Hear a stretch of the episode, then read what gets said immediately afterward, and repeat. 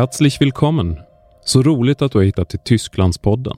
En podcast om vårt grannland Tyskland som produceras av Goethe Institut Schweden och Tintenfisch Media. I Tysklandspodden kommer du att kunna lyssna på samtal med spännande människor som på ett eller annat sätt har med Tyskland att göra.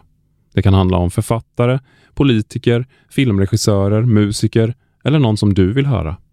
Maila info snabela www.goethe.org och berätta vem du skulle vilja höra i Tysklandspodden. I varje avsnitt samtalar vi med en eller flera spännande personer. Ibland är intervjuerna på tyska med en sammanfattning på svenska.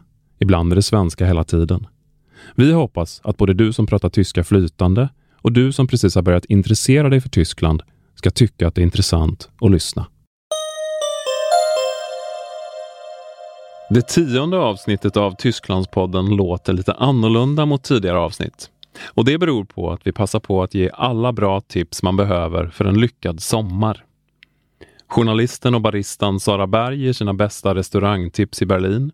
Journalisten Johannes Tångeberg berättar om vilka resmål man definitivt bör besöka i hela Tyskland. Och så avslutar Goethe Institut Schwedens litteraturansvariga Christiane Lahusen med tre perfekta böcker för hängmattan. Varmt välkomna!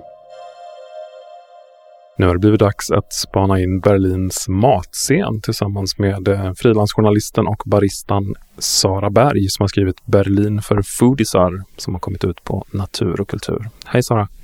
Hej! Du skriver i inledningen att för tio år sedan så var det knappast någon som åkte till Berlin för att käka god mat, men eh, nu kan man göra det. Eh, ja, det stämmer. Ehm, jag tror att för tio år sedan så var Berlin jättemycket en klubbstad. Att alla åkte dit för technon och särskilt Berghain som är den kända technoklubben. I samband med det så käkar man kanske billigt vietnamesiskt eller tar en kebab eller eh, något annat så här, nattmat, fyllemat. Eh, men nu tycker jag verkligen att det har blivit en, en krogstad eh, med en helt annan ny matscen och jättemycket roliga restauranger. Du bevakar kroglivet även i Malmö och i Sverige i stort kanske? Ja, och har skrivit om andra städer än Berlin också. Visst stämmer det? Mm, jag har gjort en eh, bok om pasta från Italien eh, där jag och fotograf Miriam Preis eh, reste genom to med tåg genom eh, hela Italien från eh, Torino i norr till eh, Sicilien i söder. Men annars så skriver jag ganska mycket resereportage och åker till andra städer och skriver om mat. Vi var ganska nyligen i, eh, i Österrike och hälsade på en biodynamisk vinbonde lite ovanför Wien till exempel. Vad roligt. Italien känns som en ganska tuff konkurrent när det handlar om eh, att eh, prata om bra mat. De har en lång kultur. Men hur står sig Berlin gentemot Rom eller Milano? Alltså det är väldigt olika typer av matscen. Italien är ju extremt traditionell och eh, liksom lever mycket på gamla meriter. Eh, även om det börjat komma mycket, mycket liksom unga kockar, framförallt i Rom har jag märkt. Eh, att de har en helt ny så Alltså lite det här nynordiska fast nyitalienskt, att man använder det gamla traditionella köket som grund och sen så, så hittar man på nya, nya versioner av gamla rätter. Lite så som vi ser i Skandinavien också. Men Tyskland har ju kanske inte den typen av matscen som man, som man skulle tänka på om man tänker på bra mat. Vilket kanske lite grann gör att de har eh, lättare att skapa sin nya scen. För de har inte det arvet de måste hålla fast vid. Um, så det tycker jag man märker väldigt mycket i Berlin också, det här med liksom, nytysk mat. Som också är att de... Eh, jag kan tänka, berätta om en, en restaurang som heter Tisk. Som eh, är drivs av två två kockar som, eh, en kommer från Östberlin, en kommer från Västberlin. Och de lagar mat inspirerade av inte bara liksom det traditionellt tyska utan eh, alla tyska influenser. Så det är mycket turkiskt, det är vietnamesiskt. Eh, det är liksom det, de andra nationaliteterna man tänker på när man tänker på Berlin. Eh, och där har de skapat en typ av så nytysk eh, kontemporär matscen som är jättespännande måste jag testa nästa gång jag åker till Berlin. Ja. Eh, du, I din bok så um, har du lagt upp det lite utifrån eh, område i Berlin. Eh, har du något favoritområde av dem? Jag tycker väldigt mycket om Neukölln.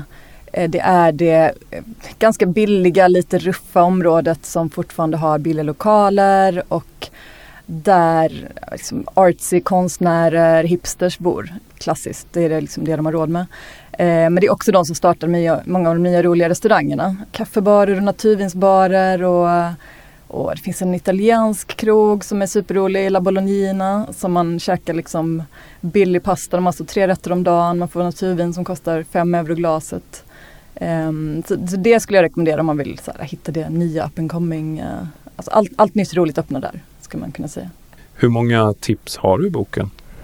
Jag tror det blev lite över hundra till sist. Både mat, kaffebarer, ganska många. De har en jättefin kaffescen. Specialkaffebarer. Eh, en del vanliga barer och lite arkitekturtips och sånt också. Museer och grejer som man kan kolla på. Och om du av de hundra ska skala ner dig till tre bra sommartips, eh, vad skulle du välja då? Ett ställe som passar bra in på den här nya, liksom Berlins nya krogvåg är ett ställe som heter Wagner. Vad heter den? Wagner Cocktail Bar och Bistro kanske? Som drivs av ett gäng som hade en restaurang som hette Industry Standard tidigare. Som var lite av starten till det här nya, Berlins nya matscen. Och de har en jätte, jättefin utservering precis vid kanalen eh, i Kreuzberg. Där man kan dricka naturviner och käka så här, mellanrätter i säsong med bra råvaror och de har eh, de bygger allting på tyska råvaror från närområdet men de har ganska mycket inslag från eh, Asien och framförallt Japan. Så man kan få eh, så här, fish flakes och roliga picklade grejer och sånt på rätten också. Um, sen finns det en glassbar som jag gillar som heter Jones uh, där de gör sina egna strutar som de står och gräddar under tiden medan man bestämmer, bestämmer sig för vilken glassort man ska ha. Um, så kan du få en hemgräddad strut. De har uh, smaker som kanske låter ganska flummiga som uh, marshmallow, choklad och banan men allting är superfräscht och verkligen liksom gjort på rena råvaror. Var ligger den? Den ligger i väst i Könneberg tror jag. Eh, ett område som annars är känd framförallt för asiatisk mat. Eh, sen finns det ett jättetrevligt café som heter Annelies som också ligger i Kreuzberg. Där eh, man sitter ganska nära Görlitzer Park och de har väldigt bra brunch eh, och jätte, jättebra specialkaffe. Och det är en väldigt så stylish lokal, det är väldigt fint och stilrent eh, och väldigt så ja, men enkla klassiska rätter eh, fast också lagade väldigt, väldigt bra. Stort tack för att du ville vara med i Tysklandspodden. Tack själv. Journalisten och baristan Sara Berg, aktuell med boken Berlin för foodisar på Natur och kultur. Och nu till en annan bokaktuell journalist. Vi har just hällt upp kaffet och vi är jag, Mats Almegård, och jag sitter här med journalisten och författaren Johannes Tångeberg som har skrivit boken Europas mitt resa genom Tyskland som kom på Carlsson bokförlag 2018. Johannes, hur fick du idén till att skriva en bok om Tyskland som samtidigt är en bok som handlar om din resa genom Tyskland? Jag har haft en, eller har en nära relation till Tyskland sen, sen alltid nästan. Jag är halvtysk, min mamma är från Tyskland. Så att det är väl kanske den personliga bakgrunden till att jag överhuvudtaget liksom intresserar mig för Tyskland. Sen har jag det här intresset fördjupat så jag har odlat det ganska aktivt på senare år. Och jag ville skriva något som kunde täcka in liksom ganska stora delar av Tyskland både geografiskt och liksom tematiskt. Um, som en kanske en presentation eller introduktion av landet. Och eh, uh, därav egentligen upplägget med resan. För att jag tänkte att det, det är lättare att skriva så och roligare att skriva så än att ha någon sorts tematisk indelning som ja, det hade jag nog inte fått ihop riktigt. Så att, därav upplägget kan man säga. Och det är ju verkligen en mycket bra introduktion till landet. Man får veta mycket om historia, man får geografin då på köpet via resorna och det är också kulturhistoria. Du skriver i ditt förord att um, du anar att det finns en lite mer positiv inställning till Tyskland idag än för några år sedan. Kan du kommentera det? Jag har den känslan, både att det finns en positiv inställning och att det finns ett kanske något större intresse också som väl kanske hänger samman med att Tyskland är ett så betydelsefullt land i Europa på ett kanske tydligare sätt än för 20 år sedan. Och det här positiva intresset det är ju en känsla men det hänger kanske delvis samman med Berlin också som ju är populärt. Populärt resmål, populär stad att besöka och vara i för många, även för många svenskar. Eh, sen är Tyskland mycket mer än Berlin men jag tror ändå att Berlin har bidragit kanske till den här, den här positiva Tysklandsbilden som jag ju kontrasterar lite grann mot Tysklands mörka förflutna. Att Tyskland associeras ju fortfarande med andra världskriget och nazismen. Vilket inte är konstigt men det har gått ett tag sedan dess. Och så, så vidare. Tysk, Tyskland är naturligtvis mycket mer tysk historia och framförallt tysk samtid är förstås något annat. Du börjar i Berlin och du slutar resan i Berlin. Men det som du återkommer till eh, när det gäller Berlin är också att det är en metropol, det är en storstad som vibrerar av liv. Och samtidigt så känns det hela tiden som att man står på sidan om. Den ligger avsides. Eh, du besöker platser som egentligen borde vara riktigt eh, välbesökta och så står man där och är nästan ensam. Och det är en känsla som jag haft när jag varit i Berlin och andra platser också. Men om vi börjar med Berlin. Kan du berätta något om det? Vad är det här med det avsides som samtidigt är centrum eller centrum som samtidigt är en avsidesort? Ja, dels den här märkliga stämningen som jag tycker man kan uppleva på vissa håll i Berlin då. Att man är mitt i den här storstaden och ändå känns det lite folktomt eller avsides. Det beror förstås på var man är och vilken tid på dygnet och så naturligtvis. Det är trångt i Berlin också men inte alltid. Ibland, ofta är det ganska stillsamt tycker jag. Och det beror kanske på att Berlin är så stor stad till ytan också. Men sen om man ser ur ett mera tyskt perspektiv så Berlin ligger ju rätt långt österut i Tyskland. Det är omgivet av Eh, landsbygd eller mindre städer i, i Brandenburg som är det förbundsland som omgärdar Berlin. Det gör ju också att, att Berlin är liksom lite som en, som en ö då om man jämför med kanske delar av västra Tyskland som är väldigt, väldigt tätbefolkade. Och sen också, vilket jag också tar upp i boken, eh, tror jag att det är svårt att peka ut ett centrum i Tyskland. Alltså Berlin är den största staden och det är huvudstaden naturligtvis. Men det är inte självklart lika centralt som säg Stockholm eller Paris. Att det finns en stor stad och resten är provins som man får liksom göra lite grovt då kanske. Man kan säga om and vissa andra länder. Så är inte fallet i Tyskland. Berlin är en stor stad av flera liksom regioner som är sinsemellan ganska olika av sin karaktär och sådär. Precis, du, du, reser ju också till ett eh, antal andra städer. Eh, resan går från Berlin via Hamburg till Weimar, sen till Wartburg, Kassel, Frankfurt, Mainz, Köln, Bonn, Ruhrområdet, München, Görlitz, Leipzig, Deuben och sen är du tillbaka i Berlin som sagt. Hur valde du ut eh, de här orterna? Framförallt för att jag tyckte att de hade något att berätta. Självklart skulle man kunna göra ett helt annat urval. Det det kan man alltid säga att det går att välja en annan resrutt till andra städer. Men det här var ändå platser som jag på förhand tänkt att här, här finns det något, då, något intressant att säga om dem eller om saker som har skett där eller så. Ehm. och sen att det ändå täcker in, inte hela Tyskland, inte nordöstra hörnet och inte riktigt det sydvästra hörnet och så, men ändå en geografiskt ganska stor del av Tyskland är också en poäng. Och sen att det blandar då stora städer och små hålor Eh, också för att försöka visa på en bredd då. En ort som eh, utmärker sig lite av de som du har valt är ju Görlitz för att det, det är som ett undantag. Det är, det är den staden som inte har blivit eh, sönderbombad i slutet av andra världskriget. Hur var det att besöka den? Hade du varit där tidigare? Nej, nej, det var mitt första besök. Eh, jag visste ju att det var en välbevarad stad. Det var väl därför jag åkte dit. Plus den här eh, gränssituationen, att det ligger alldeles vid polska gränsen är också intressant. Eh, det var fantastiskt. Jag var där bara över en dag så jag kan inte säga så mycket om hur det är att leva där eller om liksom livet i staden. Men stadens yttre är verkligen häpnadsväckande fint. Och om, om man nu sitter hemma och funderar på att uh, resa till Tyskland i sommar och uppleva något av allt det som finns med i din bok. Har du några tips på vad man kan bege sig och varför? Ja, absolut. Det är ju svårt att välja ut några tips men eh, jag vill framhålla det här att Tyskland är ett ganska, eller mycket skulle jag säga, varierat land. Eh, och verkligen uppmana till att resa runt om man har tid och möjlighet. Och kanske välja andra destinationer än de mest självklara. Berlin är fantastiskt, åk dit men åk någon annanstans också. Några ställen då, en sån resa som jag gjorde i samband med den här boken, det var ju längs Ren. Ett eh, ganska kort avsnitt eh, längs Ren som är eh, enormt vackert och som också är en sån traditionell turistdestination egentligen i Tyskland. Ja, det är ju strax söder om, om Koblenz då som det här renavsnittet är.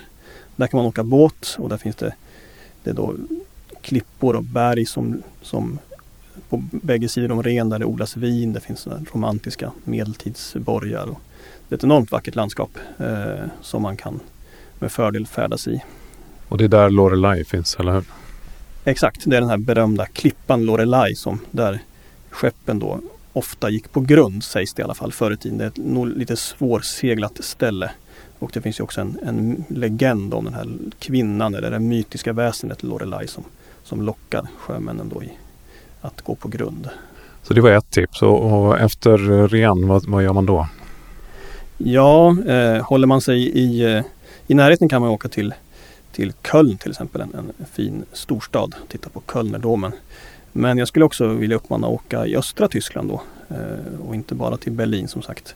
En, en stor stad, eller en större stad är Leipzig Eh, som är spännande och också hyfsat välbevarad. Mycket blev förstört i kriget men det finns kvar mycket bebyggelse från slutet av 1800-talet, början av 1900-talet. Den här tiden där Tyskland industrialiserades och städerna växte väldigt fort.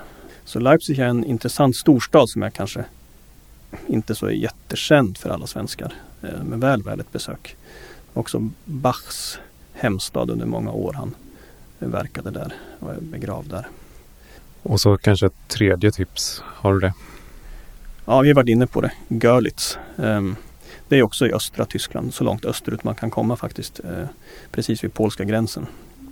Eh, och är man intresserad av kultur, historia eller sådär så är Görlitz absolut värd ett besök. Ehm, just tack vare att den är så, en så välbevarad stad. Eh, så det finns väldigt vacker. Och dessutom är det intressant, man kan promenera över till Polen, alltså halva stan ligger ju i Polen eh, nu för tiden. Får man väl säga, det är ju den gräns som, som kom till efter andra världskriget. Eh, innan dess så var hela staden en del av Tyskland. Eh, också på sitt sätt symboliskt att man ja, dels att staden blev delad men att nu den ändå i någon mening är återförenad så att, att, att man åtminstone kan promenera över utan att behöva visa pass eller sådär. Och vart reser du själv i sommar Johannes? Jo, eh, det blir Tyskland förstås. Journalisten Johannes Tångeberg reser förstås till landet han skrivit om i boken Europas mitt, resa genom Tyskland, utgiven på Carlsson bokförlag. Och nu blir det fler tips. Väldigt miljövänliga sådana. För man behöver ju inte flytta på sig alls för att uppleva Tyskland i sommar. Dags för Goethe-Institut Schwedens litteraturansvariga Christiane Lahusen att tipsa om några läsupplevelser i sommar. Hallo, mein Name ist Christiane Lahusen und ich bin am Goethe-Institut Schweden für das Literaturprogramm verantwortlich. Hallo Christiane, du wirst jetzt ein paar Lesetipps geben. Genau, ich werde drei Bücher empfehlen, die alle sehr unterschiedlich sind, damit wirklich für jede Urlaubsform etwas dabei ist. De tre böckerna som Christiana har valt ut är följande. Ich habe einmal gewählt als Lesetipp von Karin Kalisa Sungs Laden. Ähm, das ist 2015 erschienen und bisher nur auf Deutsch. Dann habe ich von Wolfgang Hilbig das Provisorium äh, gewählt, das gerade in schwedischer Übersetzung erschienen ist. Und als drittes Buch von Unda Hörner das Buch 1919 Das Jahr der Frauen. Karin Kalisas bok Sungs Laden finns bara på tyska och är utgiven av CH Beck förlag. Wolfgang Hilbichs Das Provisorium kom just ut på svenska som Provisoriet i översättning av Ludvig Berggren. Den ges ut av bokförlaget Ruin. Onda Hörners bok 1919, Kvinnornas år, kom just i svensk översättning av Per Lennart Månsson på Lind och Company. Karin Kalisa är forskare. Sungsladen är hennes första skönlitterära bok och redan en bästsäljare i Tyskland. Karin Kalisa ist so ein bisschen das Buch, äh, wenn man im Urlaub etwas äh, Beschwingtes und Optimistisches lesen möchte. Ähm, weil Sungs Laden ähm, wirklich ein leichter und fröhlicher Roman ist, ohne banal zu sein und ohne im Kitsch zu versinken. Und worum geht es da? Also, der äh, Roman spielt in Berlin-Prenzlauer Berg ähm, und Mittelpunkt ist der vietnamesische Gemischtwarenladen des äh, studierten Archäologen Sung, deswegen eben auch Sungs Laden, und seiner Familie. Und in diesem Laden treffen sich einmal die Schicksale von ähm, ehemaligen vietnamesischen Vertragsarbeitern mit den Lebensgeschichten von früheren DDR-Bürgern. Also, und von diesem Laden aus wird der Kiez nicht nur mit Obst und Gemüse, sondern eben auch mit dem, ja, man könnte sagen, mit dem guten Geist der Improvisation versorgt, äh, was dazu führt, dass gute Laune plötzlich auch in Berlin möglich ist. Ähm, das ist natürlich eine absolute Utopie, aber eine sehr ansteckende Utopie und ich mochte das Buch sehr gerne, weil es eben also der Plot klingt ja relativ kitschig, aber sie schafft es eben, das absolut unkitschig und sehr fröhlich ansteckend zu erzählen. Sungsladen är en lättläst och spännande roman, berättar Christiane. Det handlar om vietnamesiska familjen Sungs livsmedelsbutik i Berlinstadsdelen Prenzlauer Berg. Här träffar ex-vietnameser och före detta DDR-invånare varandra och berättar sina historier. Christiane säger att även om det är en utopi så bidrar den här butiken till att ett gott humör sprider sig i den tyska huvudstaden. Om det är en lättare roman är nästa bok något tyngre. Und jetzt habe ich gerade über Karin Kalisa gesagt, dass es ein leichter, beschwingter Roman ist und das ist Wolfgang Hilbig definitiv nicht. Aber gerade deswegen ist es vielleicht auch so ein besonders empfehlenswerter Roman. 2000 erschienen und Wolfgang Hilbig war ein ostdeutscher Dichter und Schriftsteller, der 1985 in den Westen ausgereist ist und 2007 verstorben. Ähm, und das Provisorium erzählt den Weg des Schriftstellers C., der auch 1985 in den Westen ausreist und dort im Suff versinkt, könnte man sagen. Also der Roman spielt zu einem großen Teil in Bahnhofsspelunken und schildert das Leben dieses C als eine Art alttestamentarisches Inferno ähm, und ist ein sehr vehementes Buch. Was ich besonders beeindruckend daran fand, und das kann man vielleicht jetzt auch als Vorbereitung auf den Wendeherbst lesen, jetzt bald 30 Jahre Mauerfall, ist diese Ortlosigkeit des Autors, der eben nicht mehr in der DDR lebt, äh, in der er auch nicht leben möchte, die er verabscheut, aber im Westen auch nicht ankommt. Und das zeigt einfach, wie komplex diese ganze Geschichte war und ist. Wolfgang Hilbigs roman Provisoriet handlar om författaren C, som går att läsa som en biografisk berättelse om Hilbig själv. Hilbig flyttade från DDR till Västtyskland år 1985 och i boken skildras samma resa som författaren C gör. Det är beskrivningar av olika järnvägsstationer och hur C inte känner sig hemma någonstans. Christiane menar att det är en bra bok att läsa inför det kommande 30-årsjubileet för Berlinmurens fall och för att den visar hur svårt det var för DDR-medborgare att känna sig hemma efter att de hade flytt eller emigrerat till väst. Sista tipset för hängmattan är ingen roman, utan en sakprosabok. Ja, das Buch habe ich gewählt. Also einmal, weil ich dachte, nach diesen zwei belletristischen oder auch teilweise autobiografisch, autobiografischen Romanen wollte ich gerne noch ein Sachbuch haben. Und 1919, das äh, passt natürlich dieses Jahr sehr gut, 1919 das Jahr der Frauen. Da erzählt Unda Hörner, die eine Autorin, Journalistin und auch Übersetzerin ist, auf eine sehr faszinierende Weise von diesem Jahr 1919 und verwebt dort die Geschichte von sehr vielen Frauen, die in diesem Jahr einiges bewegt haben.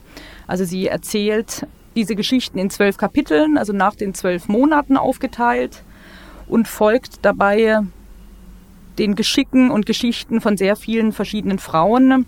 Also ich nenne einfach nur mal Käthe Kollwitz, mit der damals das erste Mal eine Frau in die Akademie der Künste berufen wurde. Dann Marie Curie, die das Radio, Radiuminstitut eröffnet hat. Und aber auch Coco Chanel, die das unsterbliche Chanel Nummer 5 in diesem Jahr kreiert hat. Also es ist einfach sehr viel passiert in diesem Jahr, wo Frauen das erste Mal wählen durften. Ähm, und ihr gelingt das, das sehr anschaulich und informativ darzustellen. 1919 och 100-årsjubileum alltså. Hörner berättar om det året och väver samman historier om kvinnor som varit historiskt viktiga.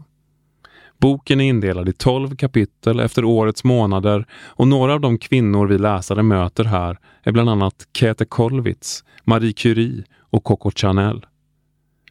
Kollwitz blev år 1919 den första kvinnan i Akademie der Künste Marie Curie öppnade sitt radiuminstitut och Coco Chanel skapade sin legendariska parfym Chanel nummer 5 det här året. Den som läser 1919, kvinnornas år, och tycker om den bör hålla ögonen öppna. För i augusti kommer författaren Onda Hörner till Goethe-Institut Schweden i Stockholm. Die Autorin kommt, ähm, das wird dann alle interessieren, die das gelesen haben und fantastisch fanden, kommt Ende August nach Stockholm ans Goethe-Institut. Da kann man sich dann nochmal vertieft mit der ganzen Geschichte beschäftigen. Förhoppningsvis har ni nu allt ni behöver för en bra sommar i Tyskland eller i hängmattan. Tack till Sara Berg, Johannes Tångeberg och Christiane Lauhusen som bidrog med tipsen. Det var allt för den här gången. Andreas Tilliander är ljudproducent. Jag heter Mats Almegård och jag producerar Tysklandspodden på Tintenfisch Media AB för Goethe Institut Schweden. Vi hörs snart igen. Auf Wiederhören!